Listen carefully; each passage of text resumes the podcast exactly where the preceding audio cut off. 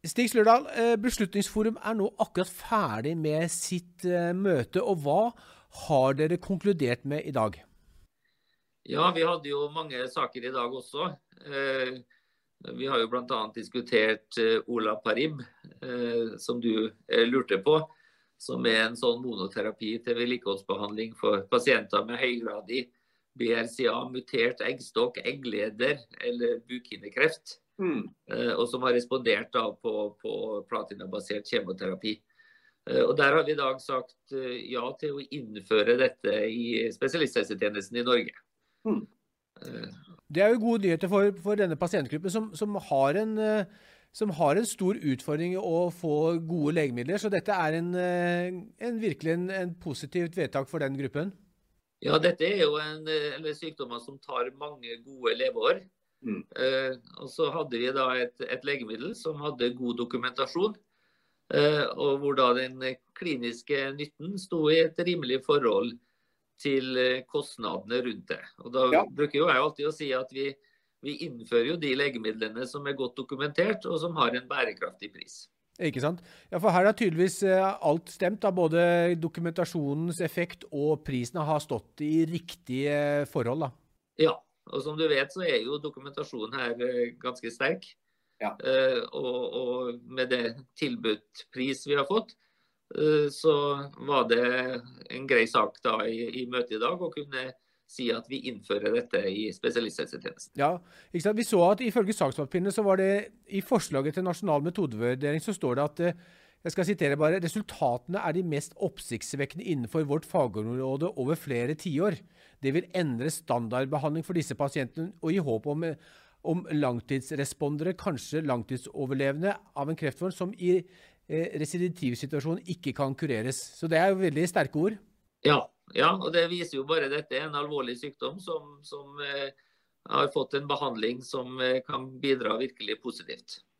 Skal vi Stig, gå over til neste legemiddel, Okrevus. Det er MS-medisin til Roche. Eh, den jo, er jo en gjenganger hos dere. Den har fått eh, tre nei. Eh, begge, alle, alle, gangene fordi, fordi, at prisen ikke har stått i stil til effekten. Hva, hva, er situasjonen der nå? Ja da, Vi har jo sagt at vi ønsker jo å ta i bruk Okrelizumab i helsetjenesten. Og I dag jo, skulle vi jo ta opp ved en ny indikasjon av primær progressiv MS. Eh, men så ble det slik at saken ble trukket fordi at eh, fagdirektørene ønska en runde til med kvalitetssikring før det kommer til oss. Så jeg regner med at det kommer opp igjen i neste, eller iallfall i et kommende møte. Ja, Så, så da var det fagdirektøren i helse, altså hos deg, da, som, som, eh, som trengte litt mer tid til, til å vurdere uh, saken? Ja, det var måtte, en, en, ny, bare en sånn runde til med kvalitetssikring før den kommer til oss. Ja, Kjempe. SP Esperoct fra Novo Nordisk det er jo til behandling av profylakse ved hemofili A.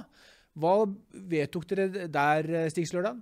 Ja, Det er også en alvorlig sykdom eh, hvor vi etter hvert har fått mye god behandling. og eh, Den aktuelle legemiddelet eh, like godt og litt sikkert som de som inngår i standardbehandling i dag.